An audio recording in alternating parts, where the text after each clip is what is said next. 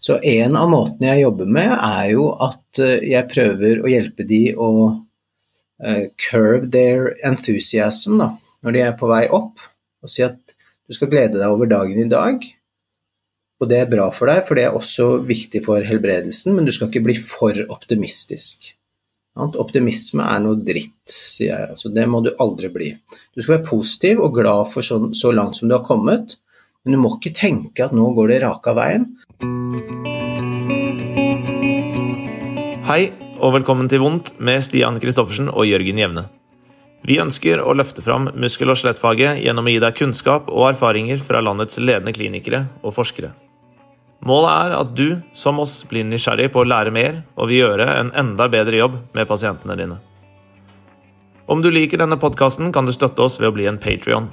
Du vil da få tilgang til et lukket diskusjonsforum, referanselister, rabatt på kurs og fagdager og mulighet til å stille spørsmål til kommende gjester. Du får med andre ord bli med på å videreutvikle denne podkasten, som forhåpentligvis vil komme både deg og fagfeltet til nytte. Du finner lenken i shownotes, og for en Oslo-kaffe i måneden hjelper du oss å fortsette reisen vår som en profesjonsnøytral formidlingskanal innen muskel- og skjelettfaget. Dualismen har stått sterkt innen helsefagene i flere århundrer og har ført til et tydelig skille mellom syke og soma. Kropp og sinn. Enten så har du fysisk vondt, eller så er det psykisk. Har du fysisk vondt, går du til en fysikalsk behandler. Om de ikke finner noe, så er det ikke noe fysisk galt, og du blir sendt til en psykolog. Dualismen i sin reneste form er så reduksjonistisk at det fremstår som en nær komisk modell å jobbe etter i klinisk praksis. Og et menneskes helse, plager og generelle ve og vel er et resultat av en rekke faktorer, deriblant både fysisk og mentalt betingede, som påvirker hverandre. Derfor er det særdeles interessant for oss å snakke med psykolog Thomas Nordhagen, som da befinner seg på den andre siden av gjerdet for oss i håndteringen av pasienter med muskel- og skjelettplager. Som han selv sier, fysioterapeuter sender ofte pasienter til psykolog fordi pasienter tenker feil. Hvordan møter og forstår han pasienter og deres plager? Hvordan jobber han med utøvere som er redde for å belaste? Redde for å skade seg på nytt? Hvordan kan tidligere erfaringer i livet påvirke situasjonen her og nå? Og hvilke elementer fra Thomas sin arbeidshverdag kan vi som fysikalsk behandlere ta med oss i våre pasientmøter? Thomas er psykolog med utdanning fra Bergen i 2002. Han er internasjonalt godkjent foreleser og veileder innenfor emosjonsfokusert terapi, og har dette som hovedtilnærming til terapi. Emosjonsfokusert terapi handler om å kunne bruke følelser og kroppslige reaksjoner som informasjon om hva vi trenger, heller enn at vi blir overveldet eller føler oss låst. Dette innebærer et syn på organismen der det ikke er mulig å skille mellom det fysiske og mentale. Smerter og muskel- og skjelettplager kan være uttrykk for vedvarende stress og psykiske spenninger, og behandling og rehabilitering av skader må forstås i sammenheng med pasientens livssituasjon og motivasjon for å bli frisk. Vi gleder oss til episoden med Thomas, men først et ord fra våre samarbeidspartnere. Fysika er et journalsystem som er skreddersydd for deg som jobber med muskel- og skjelettsystemet, og har siden lanseringen i 2012 etablert seg som det ledende journalsystemet for denne gruppen av behandlere i Norge. Fysika er optimalisert på en moderne plattform over mange år med kontinuerlig fokus på og målsetning om å lage det beste journalsystemet for sine kundegrupper. Som kunde har du også alltid fri tilgang til Fysika sin bransjeledende supporttjeneste. Enimed er en norsk kompetansebedrift som er totalleverandør av diagnostisk ultralyd, fokusert shockwave og regenerativ medisin. Hos Enimed finner du kvalitetsutstyr til bruk innenfor rehabilitering, fysikalsk medisin, legekontorer og sykehus, levert av høyt kvalifisert fagpersonell. Enimed er en innovativ bedrift med 25 års erfaring innen muskel- og skjelettfeltet, og med mål om å yte best mulig service og support. Gå inn på enimed.no for mer info om tjenestene de kan tilby, og hvis du snakker med dem, hils fra oss. Hei og velkommen til eh, enda en episode med podkasten Vondt. I dag så har vi med oss Thomas Nordhagen, som dere nettopp har hørt en introduksjon av. Hei og velkommen til deg, Thomas. Takk skal du ha. Vi eh, har jo tradisjonelt eh, fått muskel- og skjelettplager oppdelt i, eh, i, fysiske plager og psykiske plager. Så enten så har du fysisk vondt, eller så er du gæren, og så har du psykisk vondt. Eh, så Derfor så tenkte vi at det kunne være interessant å høre med de som jobber utelukkende med de pasientene som bare har psykisk vondt, fra en psykologs perspektiv. Så derfor, Thomas, hvordan tilnærmer du deg en pasient med smerter i kroppen? Ja, de kommer jo ofte til meg fra fysioterapeuter eller fysikalske medisinere her på Nimi Volvat ehm, med en slags sånn her, her, er det noe psykisk, eh, så vi trenger at du hjelper han eller henne med å komme ut av det psykiske, sånn at vi kan behandle det fysiske på en god måte etterpå. Ehm, så det er ofte, og særlig i starten når jeg begynte her, så var det var det bestillingen, på en måte. Da. Vi har skjønt at uh, han eller hun er gæren på et eller annet vis, eller tenker feil. Det er ofte det som er problemet, folk tenker feil. Uh, og da skal jeg på en måte fikse hvordan de tenker, og så kan de gå tilbake til rehabilitering eller trening etter det.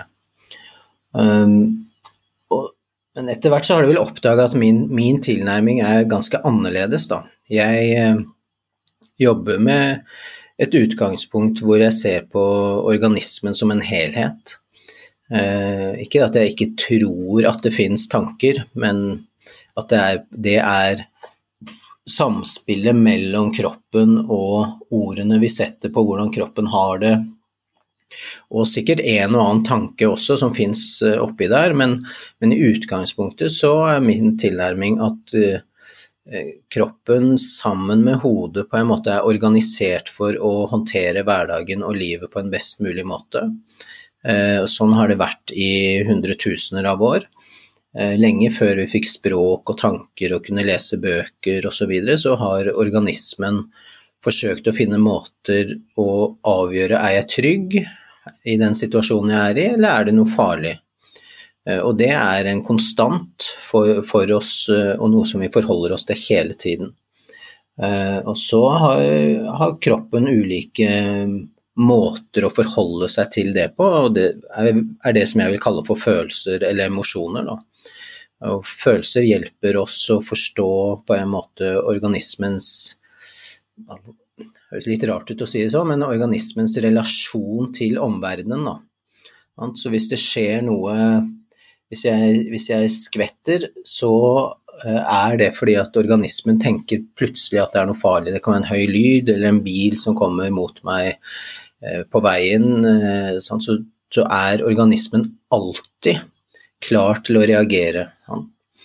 Og det med bileksempelet, sånn, som sikkert flere har opplevd, at de går ut i veien, og så skjer det så skjer det noe, og plutselig har du hoppet ut av veien. Og etterpå så lager du en fortelling om at eh, jeg så jo at den eh, bilen kom, og han sjåføren i bilen så jo ikke helt god ut, så jeg tenkte at jeg må bare komme meg ut av veien før det skjer noe gærent. Det, hvis vi hadde rukket å tenke det, sant, så hadde vi vært døde i den situasjonen, kanskje, da. Sånn at kroppen og organismen som helhet driver hele tiden og passer på sikkerheten vår da, på ulike måter. Eh, men det er ikke bare Og da kan du si at jeg blir redd da, hvis jeg skal ut av veien, men det å være redd er ikke bare en tanke jeg er redd for at bilen skal kunne kjøre på meg, det er en, en opplevelse i organismen da, hvor den faktisk bare reagerer ved å bare komme seg ut av veien. Altså å søke da det som er behovet, er jo å beskytte seg. Eh, og hvis du er redd for noe som du kan eh, la oss si, løpe fra, så vil jo kortisolnivået i kroppen eh, øke. Matlysten går ned. Vi blir i stand til å holde på veldig lenge uten å kjenne på andre behov. Og det vil ofte gjøre at vi kan holde på med ting over lang tid. Og stress er ofte en sånn følelse av f.eks. at verden har vært overveldende over tid, så jeg går egentlig og er redd på ett nivå. Eh, og så går vi med, med, økt kortisol i kroppen, som gjør at vi er i mindre kontakt med andre behov. Sånn at folk kan kjøre på ganske hardt og ganske lenge. og det er en måte hvor det kan oppstå vondter i kroppen som etter hvert blir, blir fysiske og er rent, på et vis rent somatiske, men har å gjøre med at, at organismen er redd da, eller stressa eller overvelda. Da er det vanskelig å, å, å, komme for meg som terapeut og si at ja, du tenker feil, eller du må gjøre mer sånn og gjøre mer sånn eller sånn eller sånn. Sant? Fordi at når du har holdt på med det der en god stund, så har du gjerne satt opp livet sånn at du går i en konstant tilstand av ting som du skal prøve å mestre. Eh, og vi i vår kultur så har vi jo lært at vi kan mestre alt, og mange har lært at det er ikke noen grense for hva man kan få til engang. Så man bare putter på, og så får man flere og flere strategier. Mens kroppen roer seg ikke, da. Eh, og så ender man da med å få masse vondter som er vanskeligere å håndtere enn om man tok tak i det med en gang. Så det er én måte jeg kan tenke på når det kommer pasienter som har vedvarende smerter. at hvor, hvordan, har, hvordan, er livet ditt satt opp på en måte at uh, organismen er i beredskap f.eks., og har vært det over tid. Jeg tenker jo også at uh, da tar man jo utgangspunkt i f.eks. dette med stress og en uh, totalsituasjon som på et vis fører til mer somatiske lidelser eller, eller smerter. Og så har man jo den andre veien, eh, sånn som du sier, da, du får en del pasienter fra fysio, kiropraktor, fysikalsmedisiner som har kanskje en idrettsskade. En skadet skulder, et skadet kne, en vond rygg. Um, og jeg vil jo, altså Alle som har jobbet med pasienter en, en god stund, vet jo hvor mye bekymringer folk som har vondt eller er skadet, går med. Alt fra 17-åringen som lurer på når han eller hun kommer tilbake igjen på idrettsbanen, eller 50-åringen som lurer på om eh, han kommer til å gå, gå Birken i mars. Um, der også er det jo på en måte fascinerende det her med at vi sender, vi sender disse pasientene til, til, deg fordi de åpenbart tenker feil rundt egen skade. Uh, du holdt jo et fantastisk fint foredrag på, på idrettsmedisin tidligere i, i, høst, og hvor du snakket om dette med frykt for, for min skulder. Mm. Um, naturlig egentlig å dra det litt inn i, inn i, den sfæren, tenker jeg. Hvordan du da også jobber med denne bevegelsesfrykten eller bevegelsesangsten. Ja. Um, på, flere, på, flere, måter, altså um, det, det, vil jo være forskjellig fra pasient til pasient, da, men, jeg, men jeg har som eh, utgangspunkt at uh, emosjoner på ulike måter forteller oss hva, hva behovene våre er her og nå i en situasjon. Eh, altså Er du redd, så trenger du beskyttelse. Er du sint, så kan du beskytte deg, men skjønner at du kan sette grenser og sette noen rammer, eller til og med slåss hvis du trenger det. Eh, og, og, andre behov som sorg eh, er behovet er ofte nærhet. Vi har mistet noe og vi trenger å koble oss på andre mennesker og få trøst og nærhet. Eh, sånn at det er ofte veldig konkret hva som ligger i, i de enkelte emosjonene her og nå. Men over tid så, så tenker vi at, at, vi har to store behov, da. Og jeg er fristet til å si at vi har bare de to. Eh, det ene er behov for identitet, altså jeg trenger å vite hvem jeg er. Eh, og jeg har behov for tilknytning eller trygghet, eller kjærlighet kan man kalle det. Altså jeg trenger å vite at det er et sted hvor jeg er trygg uansett eh, hvem jeg er, på en måte. Jeg blir tatt imot som den jeg er. Et sted å gå til når jeg ikke har det bra, kanskje. Og jeg tenker at veldig ofte i, i, i sånn eh, I idrett så har du ganske mange som er motivert av et ønske om å bli best. De vil vinne.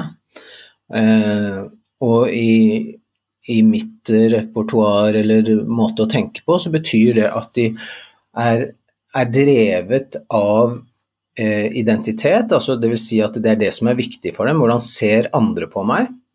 Eh, og når du, når du, er det, så er du ofte drevet av polen mellom stolthet og skam. Du har ikke lyst til å skamme deg, eh, sånn at du jobber hardt for å bli best. Og når du er best, da har du på en måte oppnådd, i hvert fall midlertidig, en følelse av å liksom Nå er jeg på toppen, på en måte. Og de som er veldig, som er veldig drevet av det, eh, de vil ofte forholde seg eh, kanskje litt mer sånn litt mer sånn instrumentelt til idretten sin, eller det de driver med. Altså det, det, er dette jeg gjør, det er dette som gir meg min identitet. Eh, og når de, når de får vondt i en skulder, så opplever jeg ofte at, at fysioterapeutene sier, og noen av de som de sender inn til meg, de er på en måte for drevet. De vil bli veldig fort friske, så fort som mulig. Det må man ofte jobbe med å holde dem igjen og si at du skal faktisk ta en god, lang pause nå. Ehm, sånn at de må på en måte overbevises om at eh, hele livet ditt står ikke på spill, eller karrieren din står ikke nødvendigvis på spill hvis du ikke eh, blir frisk på seks uker. Men samtidig så er det noe med at for dem så kan det føles som en veldig katastrofe da, hvis, hvis, eh, hvis det nå viser seg at jeg, jeg kommer aldri til å bli best i jeg kommer aldri til å bli best i sykling som jeg har drevet med hele livet. Det kommer jeg aldri til å bli best i, fordi at det, det, nå er kanskje ikke skulderen, men nå er den hofta blitt dårlig. Uh, og det å på en måte snakke mer med med de man jobber med, hva betyr denne skulderen for deg? Hva ligger det, hva betyr idretten for deg? Uh, hvor mye av identiteten din er kobla til den, og hvor, hvor, alvorlig er det for deg å, å miste denne muligheten? Eh, det tror jeg litt for ofte man ikke snakker med, med pasientene om. Eh, da snakker jeg om de som kanskje er drevet veldig hardt Eh, for de kan ofte ha nytte av bare å få snakke litt om det, sånn at, at selve den, den, driven blir litt mindre. Sånn at det blir litt lettere for dem å holde igjen på trening for å øke sjansen for å bli frisk. Nå setter jeg det opp litt sånn som typologier, men, men det jeg har møtt hvert fall av pasienter som kanskje er drevet mer av en, en, at det som er viktig for dem, er å kjenne seg trygge. Da. Eh, for dem så De har ofte en litt sånn annen tilnærming til idretten sin. De er mer opptatt av mestringsaspektet. Eh, og de er mer opptatt av følelsen av å være del av en, eh, en gjeng eller en familie eller et lag. Sant? Det er her jeg er hjemme. Og de er ofte mer engstelige av seg som typer. Og da strever plutselig fysioterapeutene, for den angsten, den er, den er liksom Å nei, du må ikke være redd. Uh, men noen av de som jeg har hatt, hatt inne hos meg, samtidig etter hvert som vi får tak i, hva handler den frykten om? Det kan jo være at du har tråkket over, uh, og så har du fått en langvarig skade som følge av det overtråkket. Da, da skal du jo være litt redd for å tråkke over. Det er lurt å være litt redd, men idet de blir litt redde, så blir de redde for mye mer enn bare det overtråkket. Eh, men det er det fysioterapeuten snakker med dem om. Du må ikke være så redd, det er ikke så farlig. Men det eh, noen av dem er redd for, kan være at, eh, at jeg elsker Jeg elsker å drive med håndball. Eh, men det viktigste for meg er lagfølelsen. Og det er på håndballaget jeg har alle eh, venninnene mine eller vennene mine. Venninner tror jeg vi sier akkurat i, sammen, i, denne sammenhengen her. Eh, men det er ikke bare det, det er også den følelsen av å få til Når jeg kommer inn og, og får til håndballen, så er jeg en slags flytsone. Og jeg er så redd for å miste den flytfølelsen. Og den flytfølelsen er ikke noe konkret. Den, den, den er mye videre enn bare det, det overtråkket. Men det de blir redd for også, er jo når jeg, når jeg detter inn i den flytfølelsen, så mister jeg meg sjøl litt, og jeg mister den kontrollen, og plutselig så tråkker jeg over igjen. Altså de vet at her er det en risiko. For det jeg lengter etter, det er bare å kjenne at jeg er en del av dette laget, jeg er en del av denne idretten som jeg driver med. Men idet de gjør det, så eh, har de mista på en måte kontrollen. Og da vet de at det er en slags risiko for at nå går jeg for langt. Det er en annen måte å forholde seg til den skaden på da, for dem. Både fordi de blir redd for mye mer enn foten sin, de blir redd for å miste nettverket sitt. Og akkurat denne idretten betyr alt for meg. Det er ikke det å bli best eller hva andre på en måte sier, det er det at jeg får lov til å drive med dette. Så det handler for dem ofte om mye mer enn bare den eh, skulderen. Da. Eller ja, i håndball er jo det veldig aktuelt. Sant? Det handler, med, handler, om mye mer enn skulderen. Og det blir ikke tematisert, da.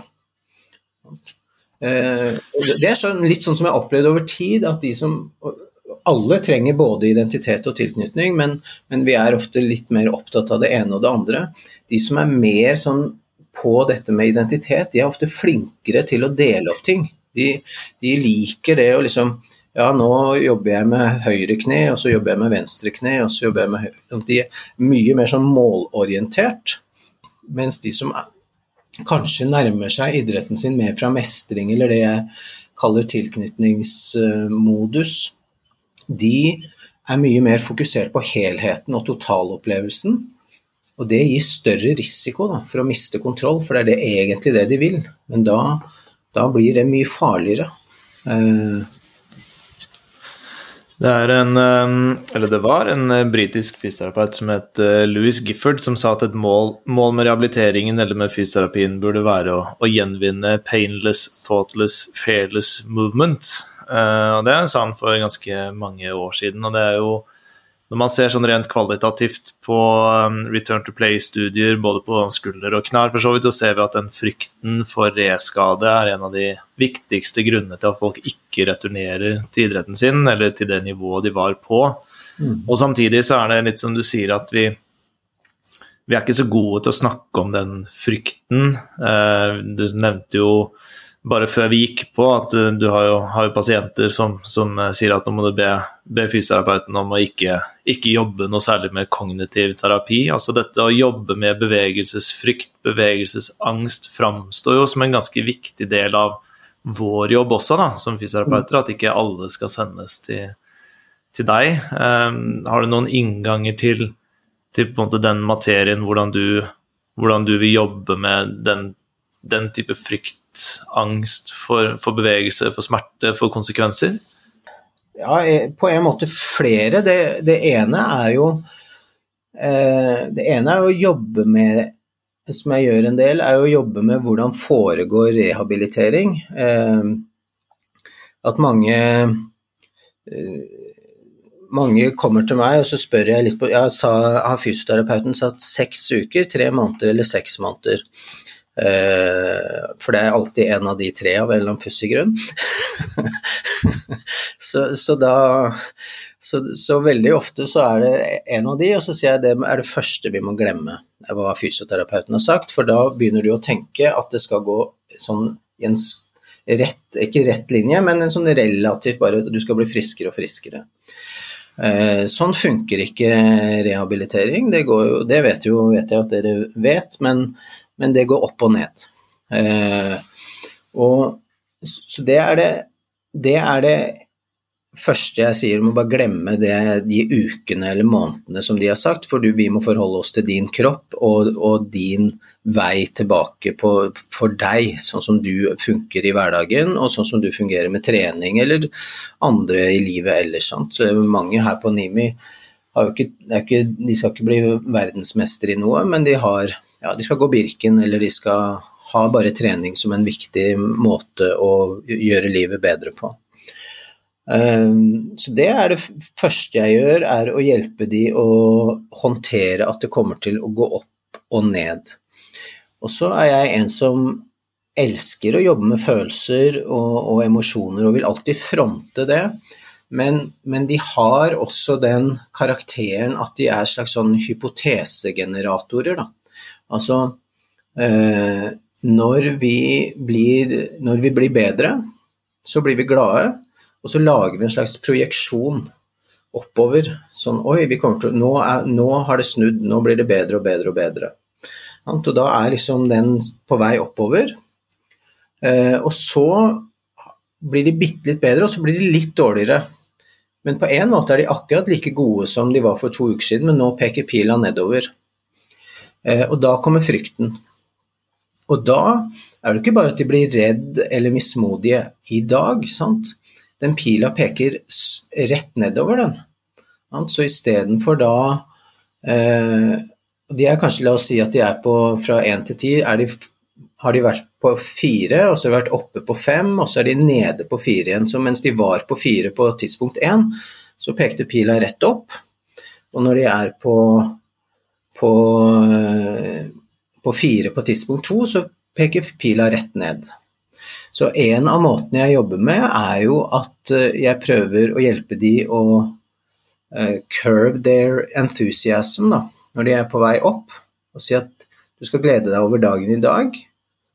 Og det er bra for deg, for det er også viktig for helbredelsen, men du skal ikke bli for optimistisk. Optimisme er noe dritt, sier jeg. Så det må du aldri bli. Du skal være positiv og glad for så, så langt som du har kommet, men du må ikke tenke at nå går det raka veien, for da tror du at om fire uker så er jeg på åtte. Og så går det litt nedover, men de er fortsatt på fire. Så går de raka veien ned igjen, og da tenker de at om fire uker så er jeg på én. Og da er plutselig forskjellen mellom åtte og én, den er kjempevond. Da tenker de nå går det til helvete. Eh, og, det, og, så blir de opptatt av det, og da, da, kom, da, kommer kanskje en fysioterapeut eller venner eller hva som helst. Å nei, du må tenke positivt. Du må ikke være så redd. Men de inni seg så har de fått en forskjell mellom åtte og én. Den er aldri god. Eh, så det er ofte noe av det første jeg jobber med, er å hjelpe de å glede seg når det blir bra, uten å projisere inn i framtiden. Og ta bekymringene på alvor når det går dårligere, uten å projisere heller i framtiden. Som de kan Ok, nå var jeg på fire, og så har jeg toucha femmeren, og nå er jeg tilbake på fire. Det er alt som har skjedd. Det, det høres jo på en måte kognitivt ut, men, men det handler mer om å akseptere at når det går bra, så skal du glede deg. Når det går bedre, så skal du glede deg, men det er dagen i dag, er, er god. Eh, og når det går dårlig, så skal du på en måte tenke, følge med. For det kan jo være at det er reelle symptomer som du skal følge med på. Ja, du er jo i en, en, rehabiliteringsfase av en grunn, som er fysisk, da, den skulderen. Sant? Plutselig gjør den mer vondt igjen. Det kan du jo ikke drite i, det må du faktisk forholde deg til. Og så kjenne er dette, hvor mye av dette skal jeg gjøre at jeg skal justere treningsintensitet eller bevegelse, eh, og hvor mye av dette er frykt for at det skal gå skikkelig dårlig.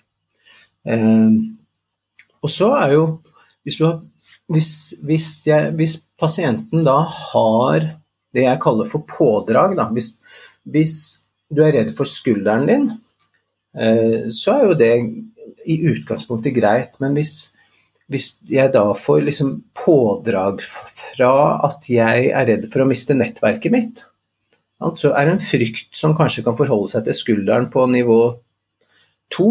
Men hvis det betyr at jeg mister hele nettverket mitt, da øker frykten til åtte. Så det jeg vil jobbe med, da, det er å prøve å hjelpe de å akseptere at de, er, at de, skal ta på alvor den smerten de føler, og det kan bety at de må justere uh, intensitet og sånn, men det er alt det betyr. Og så må jeg prøve å jobbe med alt det andre. Hva er det det betyr for deg ellers, da? Sånn at eh, Sånn som jeg jobber, så vil det være kanskje å se på Kan vi dele opp den frykten sånn at du må snakke med kan, Se om du skal øke belastningen eller ikke, forholde deg konkret til det. Og hvordan kan du jobbe med den frykten for å miste kontakt med venninnene i håndballaget eller i kretslaget eller sånn? Hva trenger du å gjøre? Jo, kanskje du skal ringe til dem? Kanskje du skal ta en kaffe med dem? Kanskje du skal gå på trening og snakke med dem, eller møte på trening? Kanskje du skal få en annen rolle på trening enn du har hatt? Være med som en slags coach, eller bare praktisk orientert. Bare få en følelse av at jeg er sammen med de andre eh, allikevel. Da. Sånn at du på en måte får tak i hva, hva handler de ulike sidene eller delene av frykten om. Eh, sånn at det, den frykten på en måte som kanskje blir for sterk fra sånn objektive fysiske kriterier. Du klarer å skille, skille mellom hva handler om skaden, og hva handler om andre sider av livet som jeg blir redd for. Nå følte jeg det spørsmålet ditt inneholdt mer, men jeg husker ikke hva det var. Det du begynte med, var jo at de ofte sendes til deg fordi de nå, vi, nå, må vi sende dette vekk fra oss, for det må noen andre fikse. Og så skal du se på det, og så skal jeg fortsette å se på holdt på å si, kall det mitt domene. Da. Jeg tenker jo sånn, Med alt det du sier her, sånn, så ligger det jo sånn litt sånn implisitt at det er utrolig viktig at uh, vi to da, som jobber med denne samme personen, snakker det samme språket rundt den pasienten. da. Uh, mm. og, og, det høres jo ut som at det kan være kilde til ganske mye misforståelser og frustrasjoner her sånn med tanke på at vi kanskje ser ting forskjellig. da. Eh, og for, hvis, vi, hvis, vi, forholder oss f.eks. nå til det du snakker om med smerteintensitet, da, eh, så, så, følte jo jeg meg kanskje litt truffet der om at jeg, jeg kan godt føle kanskje at jeg trivialiserer plager kanskje litt for ofte. altså at man, man snakker, man prøver ut ifra sin eh, sin kunnskap og, og, snakke ned symptomene, snakke ned reaksjonen etter trening osv. Eh, mm altså, hvordan, hvordan, forholder du deg til dette som jobber da på en måte tverrfaglig sånn mer sånn direkte på, en, på ett sted? Altså, har dere en, en, form for dialog løpende om, om disse tingene? Den er, jeg, vil ikke, den, jeg, vil ikke, si at den er løpende, den er mer haltende kanskje. Men, eh, men den er jo der. Eh, nå har det jo vært korona og sånn, så det har gjort at liksom de der eh, dagligdagse samtalene Eh, har det blitt færre, blitt færre av en stund, og nå tar det seg litt opp. da. Så når jeg møter kollegaer i gangen som vil snakke om en pasient, sånn, så prøver jeg ofte å liksom få fram Har du fått tak i flere aspekter ved dette enn den derre jeg hadde en kollega jeg møtte nå som sa at du sier vel det samme til alle pasienter. Nei, jeg gjør ikke det, for alle er forskjellige. Eh, så jeg har ikke noe formel egentlig, selv om jeg sier noe om, om til dere nå om, om, hvordan jeg tenker, så handler det jo veldig mye om først å ha fått tak i litt hva er det som, er, det som er, er, driverne for min pasient, da, eh, i, i videre forstand. Eh, og eh, Sånn at det er jo det første, og det andre Når jeg får føle at jeg har inngang til det, så, så vil jeg alltid si altså valider pasientens opplevelse først. For folk i, i, vår kultur, og særlig de som driver med idrett og sånn, de vet jo at de ikke skal være dumme og tjukke i huet. Det er noe av det vi er mest redd for. sant? Eh, men hvis, hvis, dere som, som behandlere nei, eh, invaliderer eller devaluerer smerteopplevelsen, sant? så føler folk seg dumme. Det er ikke så bra med tanke på å bygge en god behandlerrelasjon. For da begynner folk å skjule eh, hvordan de har det. At de blir redd for å si 'hvordan har jeg det'? Og Da vil, vil, du som behandler egentlig få mindre informasjon, og kanskje ikke få informasjon som du trenger. Og Det, og det har jeg opplevd flere ganger at når jeg har hatt pasienter i, i terapi med en eller annen smertetilstand, så, så har vi snakket om en del ting, og så, og så plutselig så, så, så, kommer det opp noe nytt, og så sier jeg men har du snakket med fysioterapeuten om dette? Nei, det tør jeg ikke å si, for da føler jeg meg dum. Ja, da må, liksom, da må fysioterapeuten jobbe litt med den relasjonen, sånn at, at, at pasienten tør å si det. Sant? Eh, og det er noe som er i, i vår, innenfor EFT og andre terapiformer også, vi snakker om, om validering. Da. At når folk har det dritt, så bare sier du ja, det skjønner jeg at du har det dritt, og jeg skjønner at du er redd. Eh, det er fælt å ha det så redd. Eh, og det føles dritt å føle at jeg tapte Jeg har dumma meg ut. Istedenfor å si nei, du har ikke dumma deg ut. Jo, som regel når folk sier at de føler at de har dumma seg ut, så har de dumma seg ut på et eller annet nivå. Og så trenger vi å føle at det er greit å si. Veldig ofte når, når vi da validerer folks opplevelse, eh, så blir det lettere for dem å, å justere det. Sant? Hvis de sier jeg føler at det kommer til å gå til helvete, og du svarer ja, det er en skikkelig møkkafølelse. Eh, og nå, nå, var på, nå, var det så godt på vei, og så går det nedover igjen. Da er det noe dritt å føle at plutselig så, så var det mer vondt. Så vil de si ja, men jeg skjønner jo at det kommer til å gå bedre. Men da har de sagt det sjøl. Når vi blir så opptatt av å korrigere hvordan folk tenker, så skammer folk seg. og Behovet i skam er ofte å skjule seg. Altså hvis, hvis, vi dummer oss ordentlig ut, så er det umiddelbare behovet det er å bare gjemme seg bort. Sant?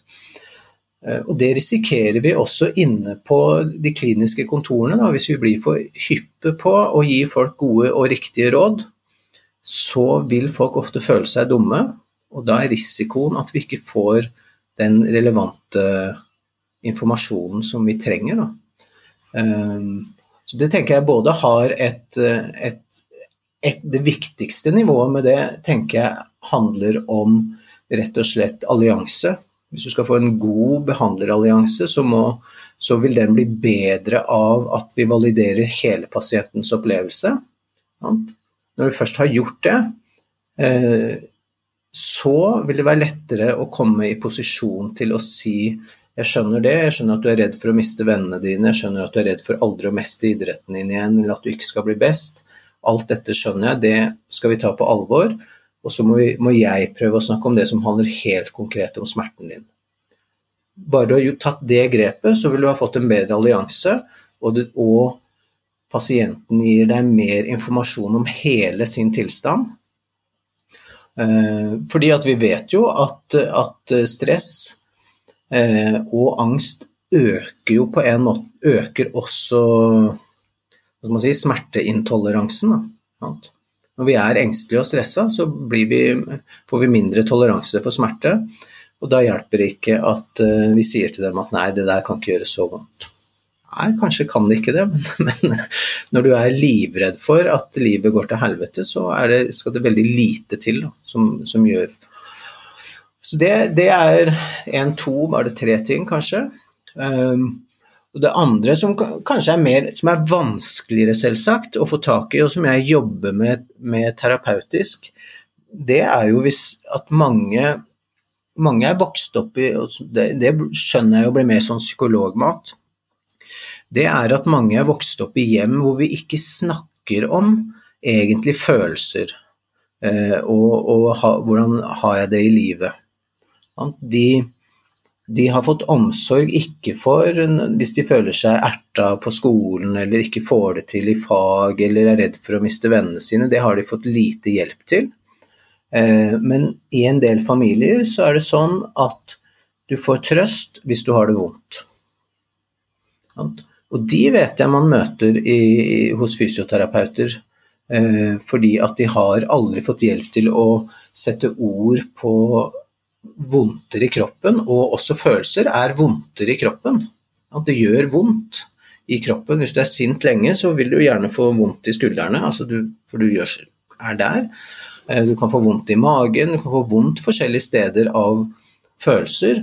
Men hvis du kommer, kommer fra en familie eller en, en kultur hvor det å snakke om følelser er veldig uvanlig, så blir det veldig ofte gjort om til smerter. For det er når jeg har vondt i et kne eller en skulder eller et eller annet sted, at, uh, at, den, uh, at jeg får den omsorgen jeg trenger. Da. De vet jeg, for det, de har jo hørt om her. De er veldig vanskelig å forholde seg til, for det, det, blir, det, føles instrumentelt. At jeg har vondt for å få oppmerksomhet, sånn kan det føles. Uh, og det, de skjønner jeg er vriene. For det handler om noe helt annet og som sitter dypere. Eh, men allikevel så tenker jeg at det går an å snakke om motivasjon og interesse for å få et bredere bilde av hva det handler om. Eh, og det siste jeg får lyst til å si i den sammenhengen, det er jo at det er noen, en del kanskje, til og med unge idrettsutøvere særlig, eh, som opplever et veldig push fra både hjemmefra og fra omgivelsene til å drive med idretten sin, men kanskje ikke har så lyst. Så den, skuld, den skulderen som ikke blir frisk, den er en velsignelse. Eh, for de har ikke lyst til å bli frisk, for de vil ikke spille tennis lenger. De er ferdig med det. Men noen i omgivelsene mener at det er det du skal holde på med. Eh, og de også kan være vanskeligere å få tak i. Eh, men ved å snakke om motivasjon, hva betyr dette for deg egentlig, så kan vi kanskje også få avgjort er dette en exit-strategi for deg, for å slippe å drive med det som du i utgangspunktet ber meg om å bli frisk til å drive med det er jo det, det, åpner jo liksom opp med at vi må begynne å bli kjent med de menneskene vi har foran oss, da. Og som du sier, at det er jo Det blir jo veldig individuelt. Du har ikke en one size fits all-tilnærming. Altså Jeg pleier å snakke med, med yngre idrettsutøvere som er ute med skade, om de har lyst til å være på trening eller ikke. Som du mm. sier, noen har jo sitt sosiale miljø på trening og har veldig lyst til å være der. Eh, men så har jeg andre som sier at det er helt, jeg klarer ikke å være der. For det, det, mm. gjør så vondt å se på alt jeg går glipp av. Så jeg vil helst være for meg selv nå, være et annet sted. Mm. Og så trenger det jo ikke være noe riktig eller galt i de sammenhengene i det hele tatt. Men man må jo i hvert fall ha snakket om det på forhånd, da. Så du ikke sier sånn Nå blir det kjempegøy for deg å komme tilbake igjen på håndballtrening. Og så ja. står de der med klump, klump i halsen og tårer i øynene. Ja. Uh, og, og, tilsvarende også med, med det her med, med, smerte, så er det jo litt der vi kommer fra som, som uh, fysikalsk behandlere i, innen muskel- og skjelettfag, at smerte gjerne er det er en fysisk entitet. Pasienter som kommer til oss, har en forventning om at vi forstår smerten deres som en fysisk entitet. Uh, og så seiler det på en måte opp mer og mer kunnskap om at smerte er noe mye, mye mer enn det. Og den diskrepansen mellom vår forståelse av problemet, pasientenes forståelse av problemet, og liksom den kommunikasjonen der da, i, i, i twilighten mellom psykosoma, kjenner jeg den er utfordrende å, å stå i. Ja. ja. og det, der tror jeg vi fortsatt er eh, litt i startgropa og skjønner hva det er. Um, noen ser jeg jo har De har kanskje lært seg Skal vi si det er kanskje en fordom, siden jeg har vært lite i selve miljøene og hørt hva som blir sagt, men det i hvert fall noen forteller meg, er jo på en måte at du skal tåle smerte, eh, og at det er en viktig del av trening, og det skjønner jeg. Selv om jeg personlig, som jeg jo sa på det kurset også, jeg tåler det veldig dårlig. Så når jeg går, går Birken de gangene jeg har gjort det, så begynner jeg å få litt vondt. Så begynner jeg bare å grine, og så kollapser jeg fullstendig inni meg. Så jeg tåler det veldig dårlig. Så den sånn overbelastningsproblematikk har vel aldri kunnet bli en problemstilling for meg. Men jeg vet jo at mange får høre at at eh, de må på en måte tåle smerten, og det, betyr, det er en bra ting, da. Og det er det jo. Altså du, når du er i et eh, Når du er i et, eh, en konkurranse, og også av og til på trening, så skal du presse tålegrensene dine for å finne ut hvor de, hvor de er, og kunne gå over dem. Men hvis du har et, noe som er på vei til å bli et tretthetsbrudd, det er ikke noe lur smerte å tåle. Ehm, og det er det jo ganske mange som jeg har fått i behandling av, og særlig unge jenter av en eller annen grunn, som da har fått beskjed om å bare tåle den smerten. Eh, og til slutt så ender det med, med, med tretthetsbrudd i særlig dette, dette, finnes det sikkert noe forskning på, som kan, forskere som kan si noe mye mer om enn meg, men, men, men i beina, og som jo aldri kommer til å bli helt friske igjen. Men de har fått beskjed om at de bare må fortsette. Og det er en form for smertetåling da, som, hvor det er for udifferensiert. Men når det smertesystemet først har satt i gang, så lever det jo litt sitt eget liv. fordi at hvis, hvis, hvis eh, når, når, kroppen sier at her er det noe vondt som, som, du må ta hensyn til, og så lar du være å ta hensyn til det, så vil jo på en måte antall hva skal man si, smertefibre bare øke og antall reseptorer for smerte vil øke. Eh, og du blir mer følsom for smerte. Eh, og det jobber jeg med en del å forklare at ja, hvis du først har kommet over den terskelen, på en måte, hvor, hvor, smerten har fått sin egen logikk, så må vi først faktisk roe ned det smertesystemet. Du, du kan ikke pushe på den smerten så mye. Jeg har jobbet f.eks. med noen migrenepasienter som er egentlig veldig drevne, og, men de får migrene hele tiden. Og det å si at men du må ikke, du kan ikke trene på deg migrene bare fordi at du tåler den migrenen, for da kommer den aldri til å slutte. Vi må, komme, vi må hjelpe deg å å bygge et regime hvor du er innen Faktisk for deg så må vi da være innenfor den smertegrensen så mye som mulig til det slår seg litt av. Og så kan vi begynne å skru opp intensiteten etterpå.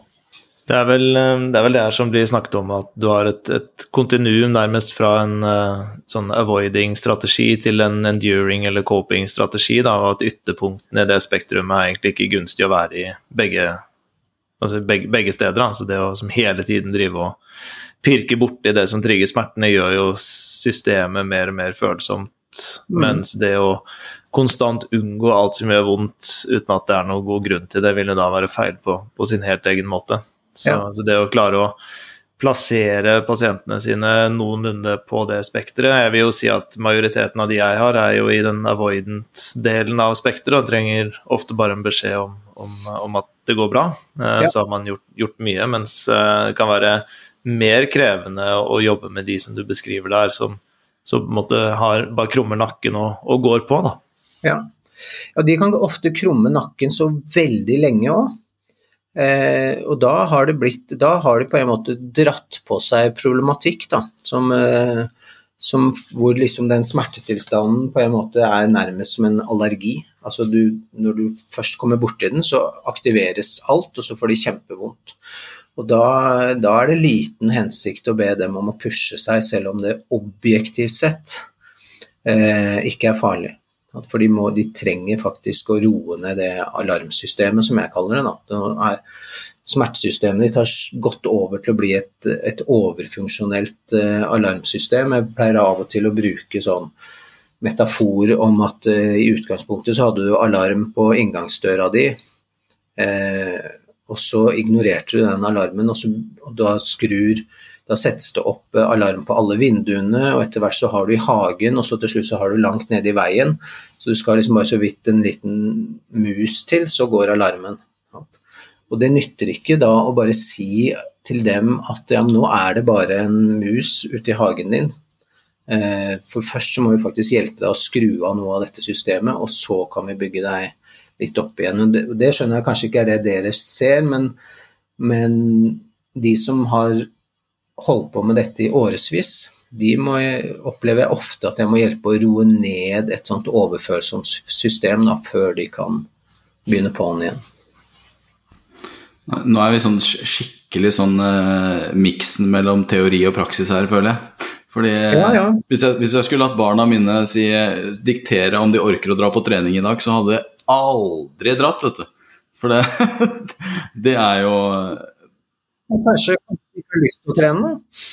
Nei, nei, det er akkurat det. sant? Og, og jeg, når du sitter her med barn og ungdom uh, i den settingen to ganger i uka, mm. så er det jo så er det jo uh, det er sånn Teoretisk sett så, så, så skjønner man jo det at i, av, av, noen så vil det være Hvorfor er det de ikke vil på trening en del ganger? ikke sant? Nå snakker jeg ikke om barna mine, men sånn generelt, så helt garantert så er det noen av de der som du nevnte, ikke sant? med Eh, at dette kanskje er et signal på noe annet. Eh, men, men igjen, da, i praksis så er, det, så er, det, veldig vanskelig å vite hvem som er hvem, da, tenker jeg. Helt, ja. Eh, og, og, og, og, det jeg egentlig ville kommentere på, er jo dette her med eh, Nå sitter jo vi her som fagpersoner og kan snakke sammen om ja, f.eks. utviklingen av en stressfraktur som vi kanskje ser komme. ikke sant? Eh, en helt annen ting er jo vår dialog inn mot idrettslaget og og trenere f.eks., som ofte har en helt annen bakgrunn og en helt annen kunnskap. og jeg husker jo fra min egen barndom, altså da, da, var det jo suksess hvis du kasta opp på trening.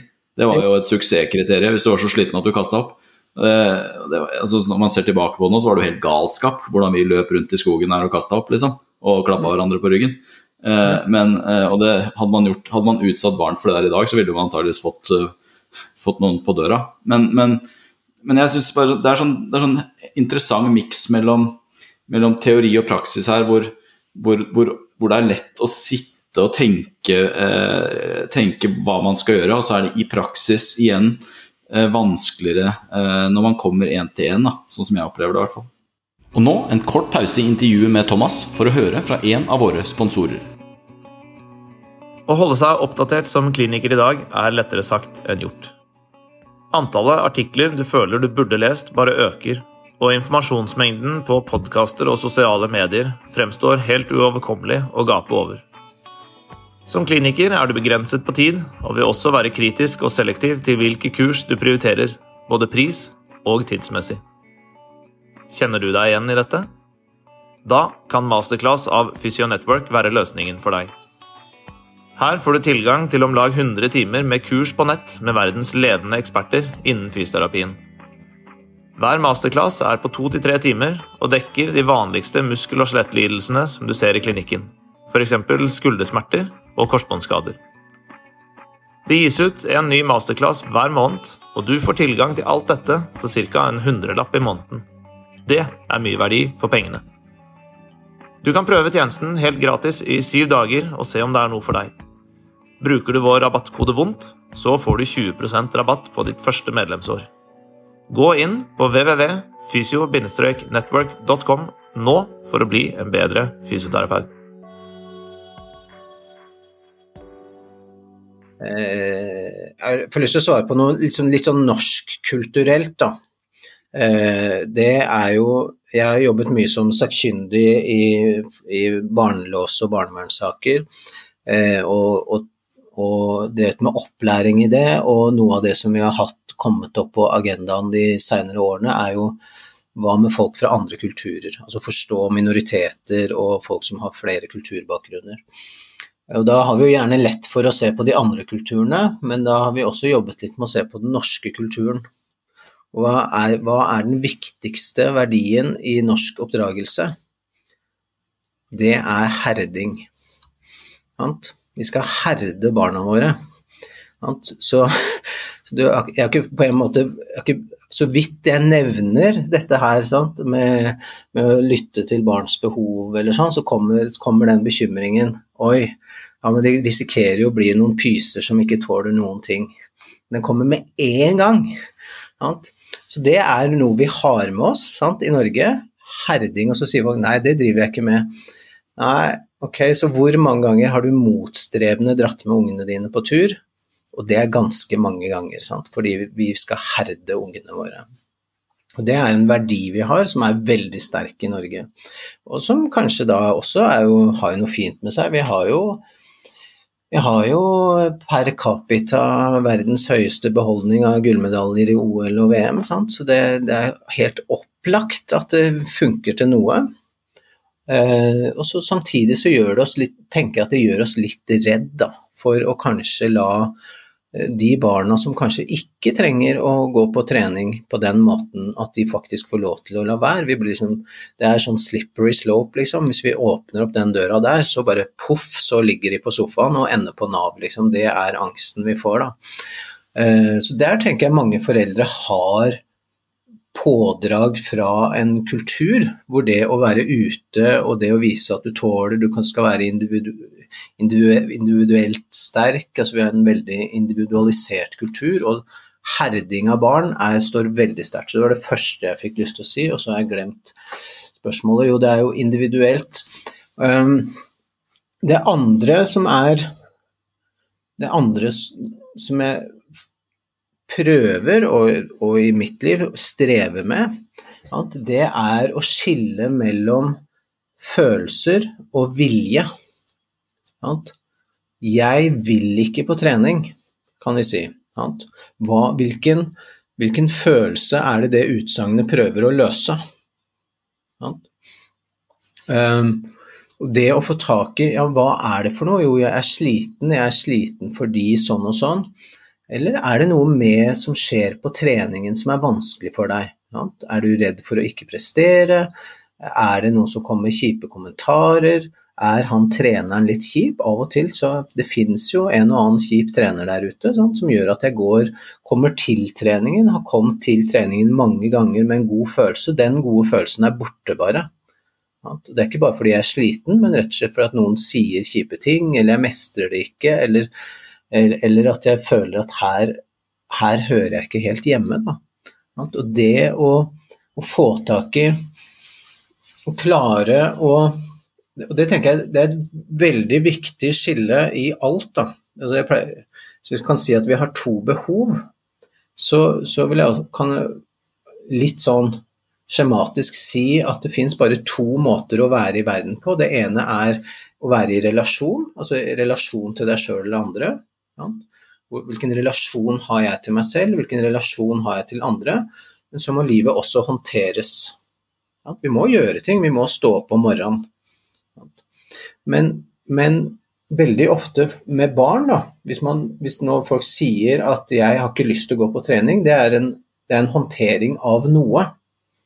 Eh, en slitenhet, manglende motivasjon eller et eller annet. Å klare å flytte fokuset i den konkrete samtalen fra 'hvordan skal vi gjøre dette', til 'hva er det som gjør at dette blir vanskelig for deg'. Sånn at du, vi kan tenke at det er to aspekter. For det blir veldig ofte spørsmål om de skal dra eller ikke dra, som er en håndtering, istedenfor at vi skifter fokus til hva skal til for å gjøre dette bedre for deg, er det noe som ikke funker, og fått mer tak i de, det opplevelsesmessige aspektet, heller enn å gå rett på skal, skal ikke. Så veldig mange og Det skjønner jeg er folk ja, hvis vi åpner opp den døra der, da styrer barn alt. Eh, eller voksne, for den saks skyld. Men det å kunne, kunne se på hva betyr det at vi skal gjøre som annerledes enn hvordan oppleves det å gjøre eller ikke gjøre det å flytte mesteparten av samtalen over på hvordan det oppleves.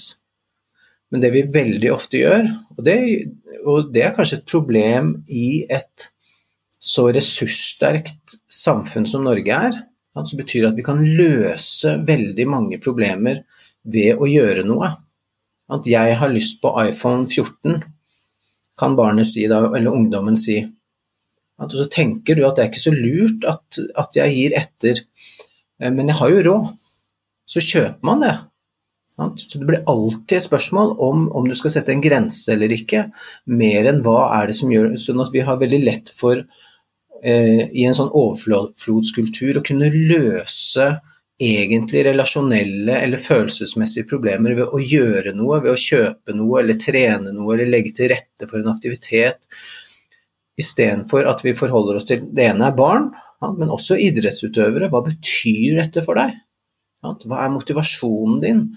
Eh, har du lyst på en måte har du lyst til å bli frisk? Folk vil selvsagt si ja at de har lyst til å bli frisk, men det, hvor viktig er denne idretten for deg? Hva vil skje for deg hvis du ikke kan drive med det?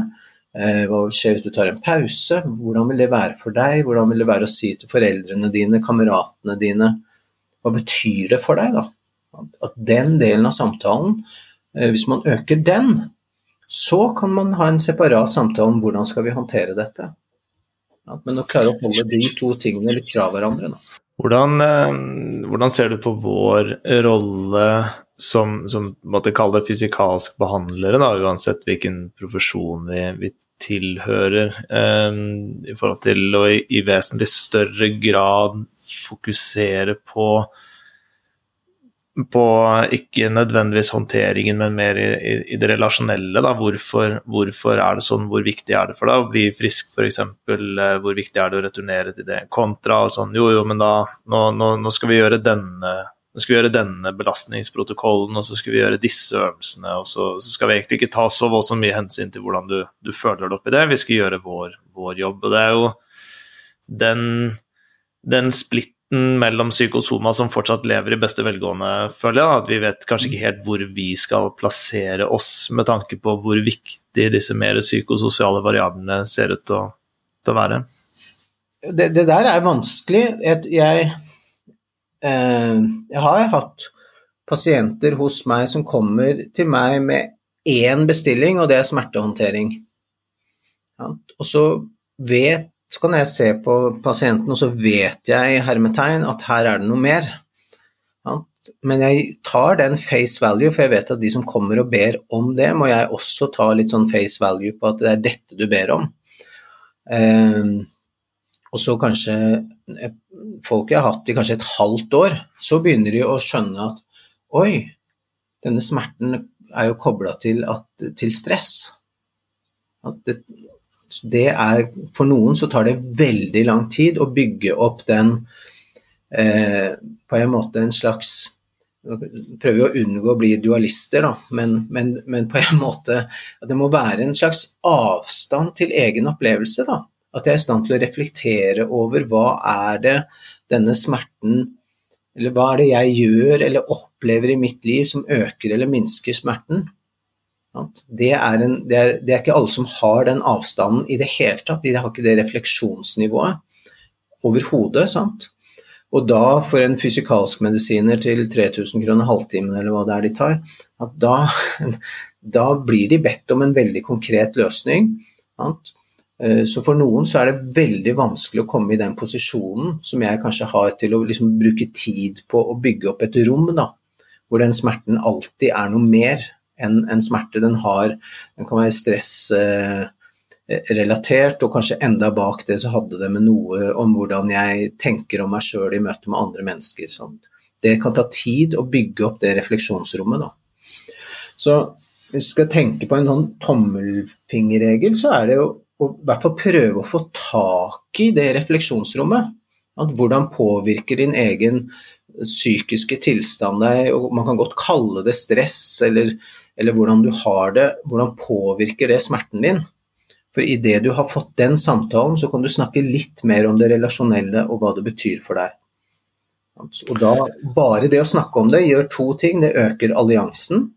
Og, og både for eh, både for fysioterapeuter, men i hvert fall så har man forsket på det både på leger og psykologer. Så alliansen mellom pasient og behandler predikerer i veldig stor grad eh, både om pasienten blir frisk av det du gjør, og compliance med behandlingen. Altså hvis du har en god allianse til behandleren din, så gjør du det behandleren sier. Hvis den ikke er bra, så gjør du det ikke. Du sier at du gjør det. Det sier folk til meg, da. Ja, jeg sier jo til, til, Per at jeg har gjort det, men jeg har ikke gjort det. Tilbake til dette med, med verdier, barn, eh, herding. Eh, en eh, kollega som er eh, psykomotorisk fysioterapeut, eh, Lene Fleischer, eh, snakket på et foredrag for, for mange år siden om dette med levd liv, eller laved liv, som hun ville sagt. Jeg vil anta at du får inn en del pasienter som sier 'må vi snakke om barndommen min'?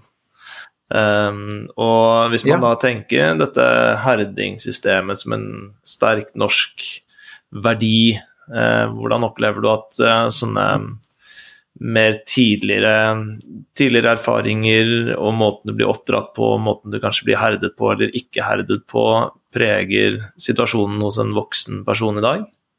Det var langt eh, det var, Dette var et artig spørsmål. um, altså, jeg, jeg eh,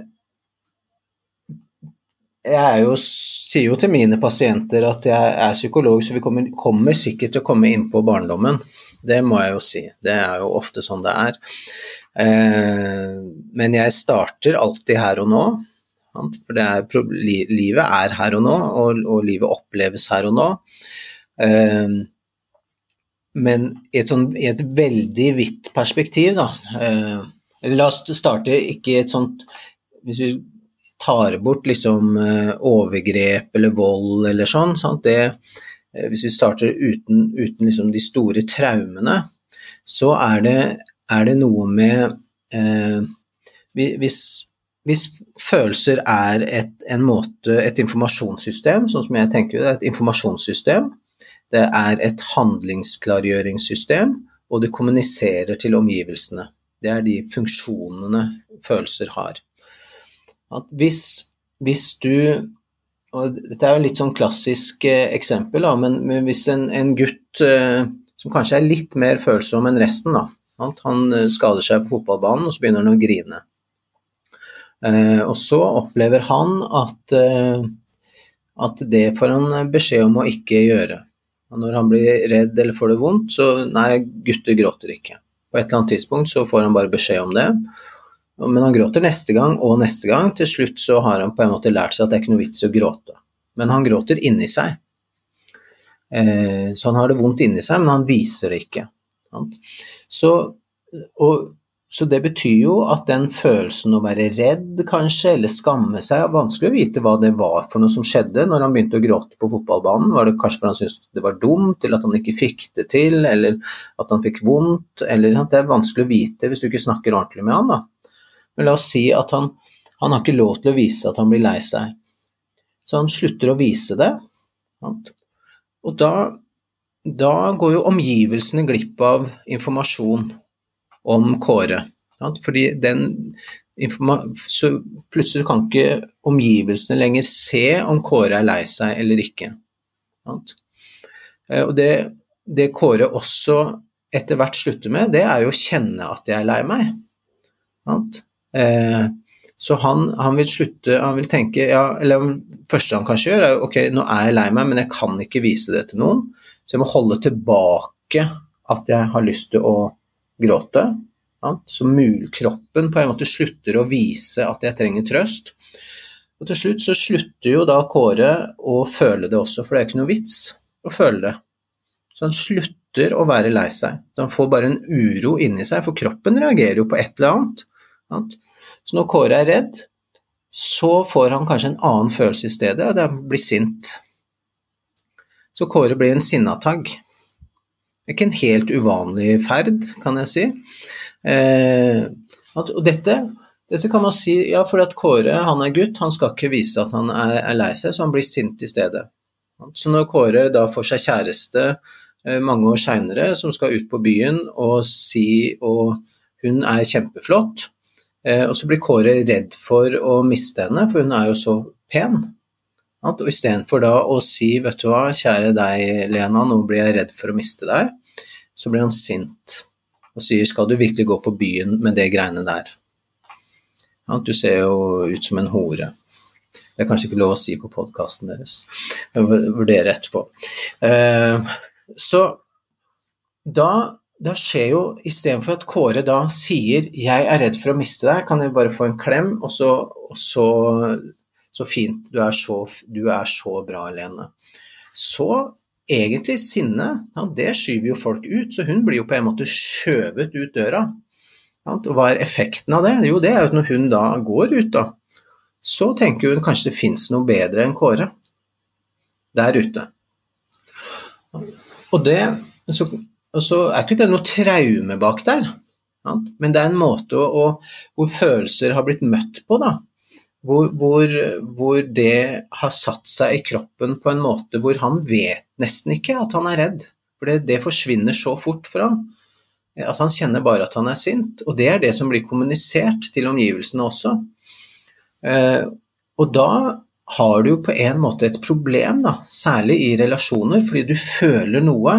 Du føler at, uh, at jeg har lyst til å trekke deg mot, mot, deg og holde på deg, men samtidig så liksom har du en, en finger eller uh, liksom skyver den andre fra deg. Og og det med og herding, eh, og kanskje ofte, ofte med gutter, sant, det gir det problemet at det å be om nærhet eller trøst når jeg trenger det, det, det kommer ofte til uttrykk på feil måte. da, sant, Ved at man skyver partneren sin vekk. Og da, Det er ikke nødvendigvis sånn at jeg trenger å snakke med dem om hvor, hvor grusom oppveksten var, for oppveksten kan ha vært helt fin, men akkurat her så er det en glipp. da. Sant? Og da vil jeg ofte trenge i terapi å snakke om hvordan ble du møtt når du var lei deg i oppveksten. Jo, jeg fikk høre at gutter skal ikke gråte. Så, så på den måten så, så, vil ofte hvordan vi håndterer livet her og nå, er ofte satt opp fra ganske tidlig. For det er jo hvordan vi blir møtt av omgivelsene som bestemmer hva er det som er greit å vise, hva er det som er greit å føle, og hva er det som er greit å gjøre. Så det, de tingene er ofte med oss fra vi er små, men det trenger ikke å være traumer eller alvorlige ting, på en måte. Eh, men, men for en del pasienter, også smertepasienter, sant, så hender det at det, er, at det er traumer som ligger under. Og det skjønner jeg at en fysioterapeut ikke skal liksom begynne å drive med traumebehandling. Men vedvarende smerter i kroppen som bare driver og flytter på seg. Først har de vondt her, og så har de vondt der. og, og og så bare blir de vedvarende på en måte sånne smertepasienter. Da har det jo hendt flere ganger at de kommer til meg, og så forteller de om en oppvekst som er mer preget av vold eller andre former for overgrep. Sånn. For da har jo kroppen vært i en alarmberedskap siden de var små. Eh, sånn at den eh, har en hel rekke vondter som bare har utvikla seg, og så kan de ikke snakke om det som det er, egentlig handler om. Eh, så i en del tilfeller så er det helt klart at det er mer sånn en traumatisk bakgrunn som er skylden i, i, vanskene. Men i de aller fleste tilfellene så tenker jeg at det oppstår en del vansker i her og nå-situasjonen, som mer handler om at det har vært noen følelser, noen emosjoner som har vært greit å vise, og som du har fått hjelp til å håndtere i oppveksten, og andre ikke. Og så jobber jeg ofte med å løse litt opp i det. Sånn at følelser blir mer et nyttig informasjonssystem. Da. For det er ikke nyttig for Kåre å bli sint på kona si som han er så glad i. Jeg syns nesten daglig så, så, har jeg pasienter hvor jeg tenker eh, at jeg har lyst til å åpne den døren med å si jeg tror du burde gå til en psykolog. Eller jeg, jeg, tenker at det er den riktige veien å gå, enten psykolog eller psykomotorisk fysioterapi, eller, eller mer over i den hva skal vi kalle det, over i den banehalvdelen. Eh, så har jeg veldig varierende eh, både respons og ikke minst effekt eh, av, av den måte, anbefalingen eller henvisningen. Og, og, du snakket jo også om det i stad, så dette går jo også veldig mye på, på individet, altså kjemien mellom, mellom, både meg og pasienten, men også den jeg henviser til. Og det, det, det mister jo jeg selvfølgelig helt. Jeg, jeg kan jo ikke styre noe av det. Eh, men har du, har du noen sånne Du er jo farget av det du sitter med i dagliglivet, og vi er jo farget av det vi sitter med i dagliglivet. Har du noen sånne helt, helt sånn klare eh, cutoffs på, på hvem du tenker absolutt bør henvises, og hvem som ikke bør henvises? Altså, er, det mulig å, er det mulig å si noe fornuftig om, uten at det blir helt sånn svevende. fordi altså, Grunnen til spørsmålet mitt er jo fordi at vi jobber jo fortsatt i et sånt veldig sånn fysisk fag hvor veldig mange pasienter har en sånn hvis, ikke, hvis, hvis, du begynner å snakke om psykolog, så er det fordi du ikke er god nok. Ikke sant? Altså de, da, da, mener du at du ikke har leta godt nok. Eh, så, så, når du åpner den døren, så er du ja, så det er, det, litt jeg prøver å si her, at det er en veldig sånn vanskelig materie å trå i. fordi at idet du åpner den døren, så, så har du på en måte åpna den, du kan ikke gå tilbake igjen. Så, så en, en, en, en ja, sant? Og jeg er jo livredd for å, å, å, å, bli tatt for å være trivialiserende. For det er jo det siste man egentlig ønsker. Egentlig ja, ja. ønsker man jo gjennom det man sier å være validerende. Eh, men, men, så kan du, står du faktisk i risikoen for å skyve pasienten fra deg. Men nå, nå, nå ble dette veldig uklart, da, men du har sikkert noen tanker om, eh, om, det jeg sier her? Ja, altså jeg må jo si at uh, min uh veldig store ulempe her er at jeg aldri har sittet og vært flue på veggen inne på fysikalskmedisinerens eller fysioterapeutens kontor, så jeg vet ikke hvordan de samtalene foregår. Ehm, men, jeg, men min opplevelse da, er jo at ettersom, den, ettersom at eh, det ble liksom Du har eh, du har eh, la oss si fysioterapien, og så kom dette med at eh, Men det er, har jo også noe med tanker å gjøre. Eh, og du tenker feil, på en måte. Som er lett å Og jeg skjønner jo hvorfor folk går inn der og, og, og lurer på det. Om du tenker riktig eller feil. Og hele f.eks. innenfor dette med ME og den problematikken der, som du veldig sånn satt opp Skal du stole på at det er en fysiologisk tilstand? eh, som bare har fysiologiske komponenter, eller er det en psykologisk komponent i betydningen kognitiv, at du tenker på riktig eller feil måte? Eh, som jeg tenker er en motsetning som har ødelagt veldig mye for den pasientgruppa.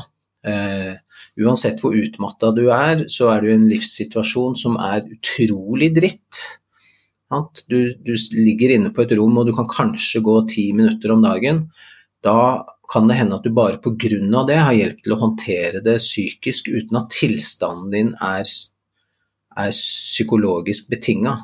Men at enhver en tilstand, også kreft, sant, har, er bedring av kreft er avhengig av den psykologiske tilstanden til den som har kreft. Altså Hvis du er alvorlig deprimert i utgangspunktet, så er, er på en måte hva heter det, sjansen for å bli bedre, den blir lavere.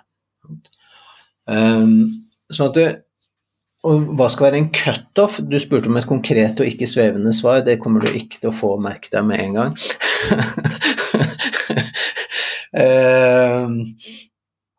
fordi at jeg, jeg tror at, at, det som kanskje er viktigere, er å kanskje finne måter hvor, hvor vi i de samtalene kan, kan implementere en tenkning hvor, hvor, det handler ikke om du tenker riktig eller feil, men hva, på hvilken måte berører denne skaden eller smertetilstanden livet ditt som helhet. Og det livet som helhet har både Eh, motivasjonelle, emosjonelle og fysiske komponenter.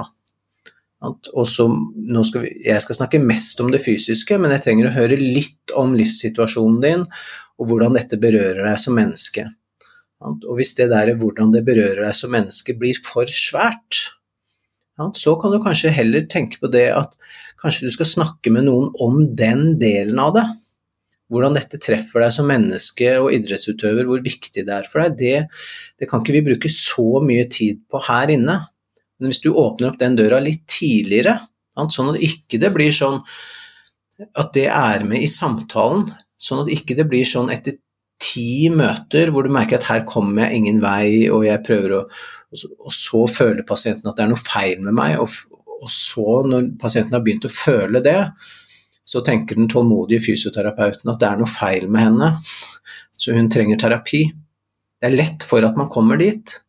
Så jeg tror at kanskje at, at man må rett og slett starte med et videre perspektiv, da, i utgangspunktet, heller enn å tenke snevert. Bare si at dette berører motivasjon, emosjoner, livssituasjon og den konkrete fysiske skaden, og hvordan du håndterer den, er veldig avhengig av alle de andre faktorene. Hvis du har begynt det med en gang, så har, tror jeg du har større åpning. Og Det handler vel litt om den valideringen som vi var innom i sted også, at uh, denne, denne, smerten og denne vonde skulderen eller ankelen eller kneet eller ryggen er en, en ganske sammensatt materie. Uh, og vi må ta vi må på en måte ha en aksept for at alle disse faktorene spiller inn sammen, og så må vi i fellesskap finne ut av, av hvilke deler vi skal jobbe med. For det er jo en fare for at på samme måte som at vår profesjon blir veldig reduksjonistisk ned i det biomekaniske og fysiologiske, så kan jo helt sikkert din profesjon også bli med, veldig reduksjonistisk ned i, i tanker og følelser og, og levd liv. Så, så, det å på en måte ha en anerkjennelse av kompleksiteten i hva som utgjør et menneske, tenker jeg bør være sånn, et, et, godt utgangspunkt for alle. Ja, det er veldig ofte at løsningen for min pasient ligger i å begynne å trene, liksom. På et eller annet tidspunkt. Oi, der løsna det. At de trengte å få mer energi, og da ble det lettere å håndtere også det som vi jobbet med terapeutisk, eller at de skifter jobb, da, for den jobben er for belastende. Og så bare plutselig så ble alt mye bedre igjen. Sant? Så hva som, hva som, faktisk virker til syvende og sist, det vet vi jo strengt tatt for lite om, alle sammen. Um, vi skal etter hvert begynne å runde litt av, men det er en ting jeg kunne tenke meg å ta opp sånn mot, mot slutten. Um, i, i, vårt fag, etter hvert som, som smerte det som opplevelse har kommet sterkere og sterkere inn som noe som ikke bare er fysisk betinget, som vi nå har snakket mye om, så, så snakker vi også om kinesofobi og bevegelsesangst. Eh, og det jeg lurer litt på, er jo en del av disse sider kommer folk med, med vondt i ryggen som på en måte ikke har bøyd, bøyd den ryggen på, på, flere år, for det fikk de beskjed om for mange år siden at det, det var farlig for dem å gjøre. Eh, mm. Er det på en måte ekvivalenten til klaustrofobi eller andre typer fobier hvor, denne, hvor en form for sånn gradert eksponering er det, er, det, er det, på en måte essensen av hvordan vi burde håndtere det, uh, den problemstillingen på? Ja, altså, må, nå må jeg bare si at en svakhet ved hvordan jeg jobber, er at jeg jobber lite med desensitivisering på den måten. Eh, så jeg ikke har ikke egentlig en formel for hvordan jeg skulle satt opp den eksponeringen. Eh, så når jeg Så jeg jeg jobber med det på andre måter, og så vil jeg tenke at det er nok psykologer som er mer effektive i tilnærmingen sin til akkurat det enn jeg er. Ehm, men så for, så for, meg så vil det jo alltid være først å få en ordentlig eh, allianse med pasienten. Det er liksom min primære tilnærming alltid. Sant? Og folk eh, er hos meg noen ganger før vi ordentlig begynner å jobbe med ting som er vanskelige. Eh, og men når jeg har kommet dit at jeg har den alliansen, og vi kan være enige om at dine livsproblemer de er i dette området og dette området, da opplever jeg også at jeg har en ganske god inngang til å si av og til du må ta deg sammen med den ryggen. Den må du faktisk bare bevege mer på.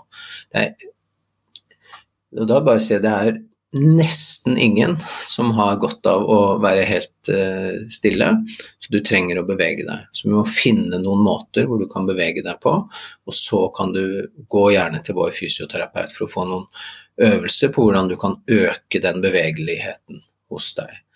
Uh, men da, da har jeg en helt annen Da gjør jeg jo det med en annen inngang for meg, da. Sant? Uh, så hvordan, hvordan det å hvordan det å Hvis folk skulle komme til meg og du skal behandle eh, denne pasienten for Var det kinesiofobi? Eh, så vil jeg da, vil, da ville jeg, i måten jeg jobber på, så ville jeg vært helt avhengig av å ha et videre perspektiv på den pasienten. Eh, hva er det Igjen, sant, det samme for meg, så ville jeg vært avhengig av hva er det du blir redd for, hva er det som vil skje, eh, hva betyr den smerten for deg, hva vil det si hvis du blir frisk, sant. Det er ofte veldig Hvis du hadde den smerten var helt borte, hva ville du gjort? Sånn. Eh, for å få tak i mer sånn motivasjonen.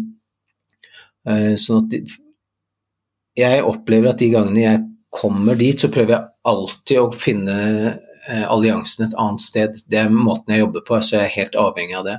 Og så kan jeg jobbe med det. Ok, du kan ikke bevege deg, men kan du gå i trapper?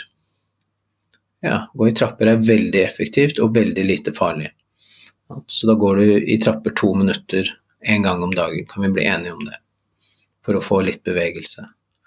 Um, så da går jeg ofte via det, da, at det er en del av en, en prosess som inneholder flere ting. Det vil være min tilnærming til det. Eh, jeg kunne tenke meg eh, å avslutte Eller jeg vet ikke om vi skal avslutte, Stian. Det får være opp til deg om du har lyst på enda mer. Men eh, et sånt litt sånt hvitt spørsmål til slutt, som jeg tenkte det kunne vært veldig interessant å høre dine tanker rundt. For vi har jo vært gjennom veldig mange aspekter her nå som er, som er, ganske like for oss. Vi har snakket om terapeutisk allianse, vi har snakket om prognose, predikerende faktorer for utfall osv. osv. Og så har det vært sånn nå i mange år en bølge, en sånn vitenskapelig bølge innover fagene våre, hvor man snakker om at ting virker eller ikke virker. Eh, og så sa du nå i stad at eh, når vi setter alt, alle disse tingene sammen, så vet vi jo egentlig ikke helt hva som virker. Eh, og, og det, er jo, det, er jo, akkurat sånn jeg opplever hverdagen også. Og, og, når man snakker om alle disse faktorene, og så reduserer man på en måte pasienter ned til variabler på et Excel-ark, og så sier du ok, du har vondt i ryggen, sånn, sånn, sånn. Vi skal gi deg denne intervensjonen, sånn, sånn, sånn. Og så ser vi seks uker etterpå, sånn, sånn, sånn. Ok, dette virker ikke.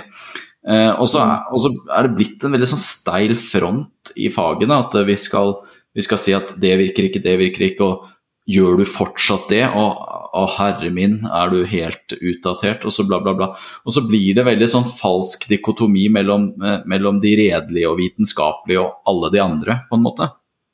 Og jeg tenker Sosiale medier har i hvert fall ikke gjort oss en tjeneste her i hvordan dette skal diskuteres. Så, så litt sånn dine tanker sånn avslutningsvis på på, hvordan du opplever dette, som virkelig da jobber ned i materien med enkeltindividet hver eneste dag? Jeg kommer jo til å bli hengt ut på sosiale medier, da, så jeg vet ikke om jeg kan svare på det. um, nei, altså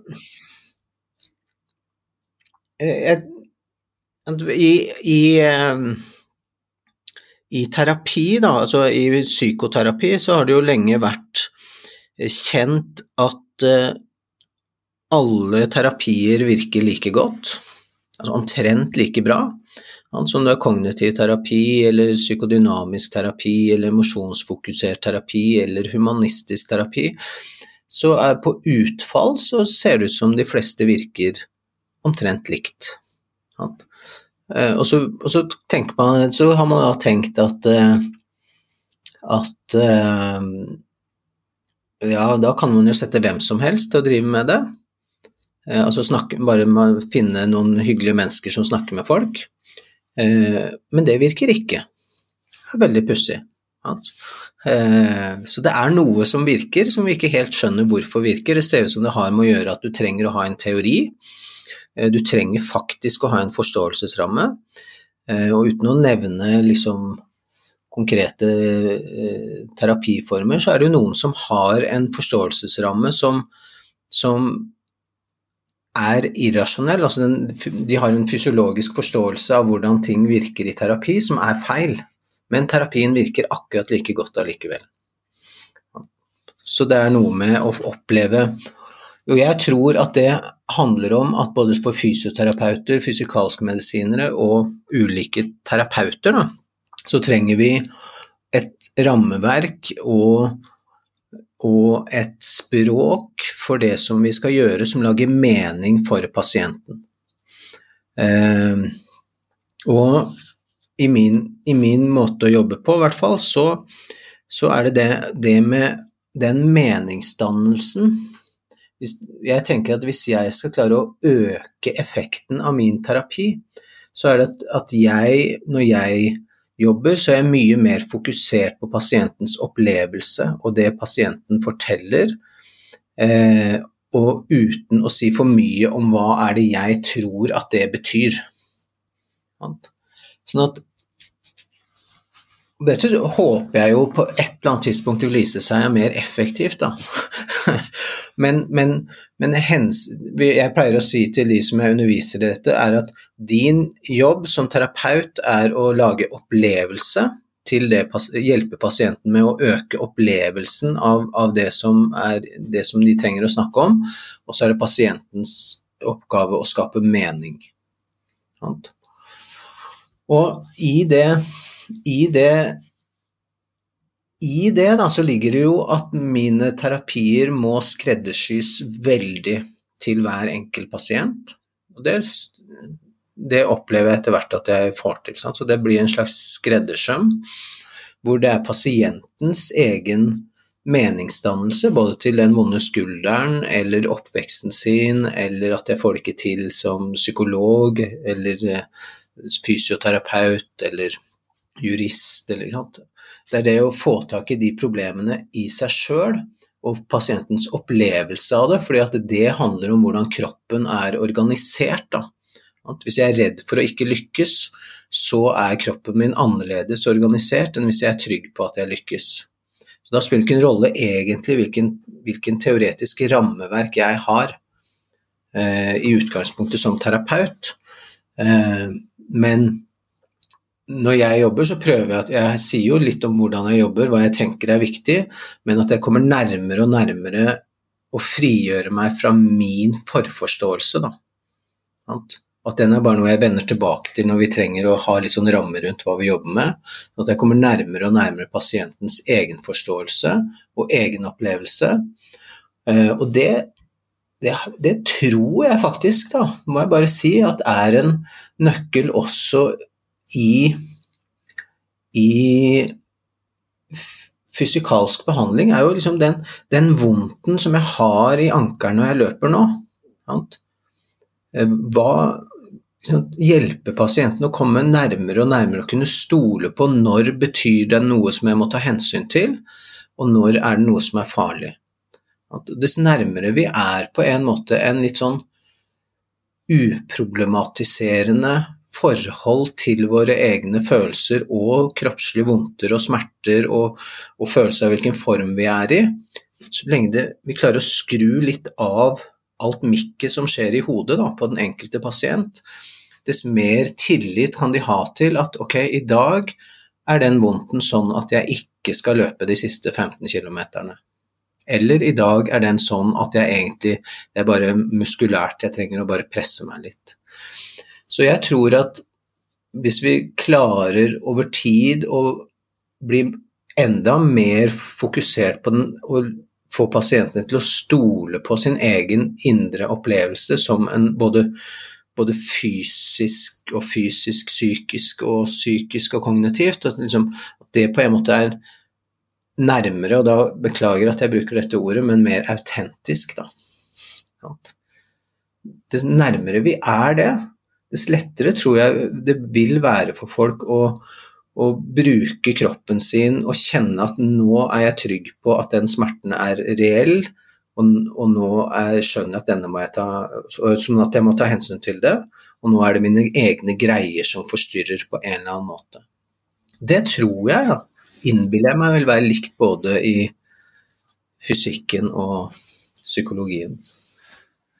Og det er jo der, eh, der måtte N er lik 1 kanskje bør slutte å være et bastardisert begrep innenfor, eh, innenfor våre, våre, profesjoner. At uh, disse datapunktene på en trendlinje og en, en, systematisk oversiktsartikkel er vanskelig for å fange den skreddersømmen, og at uh, det ligger mye ligger mye kausalt i det, den skreddersømmen som du presenterer der.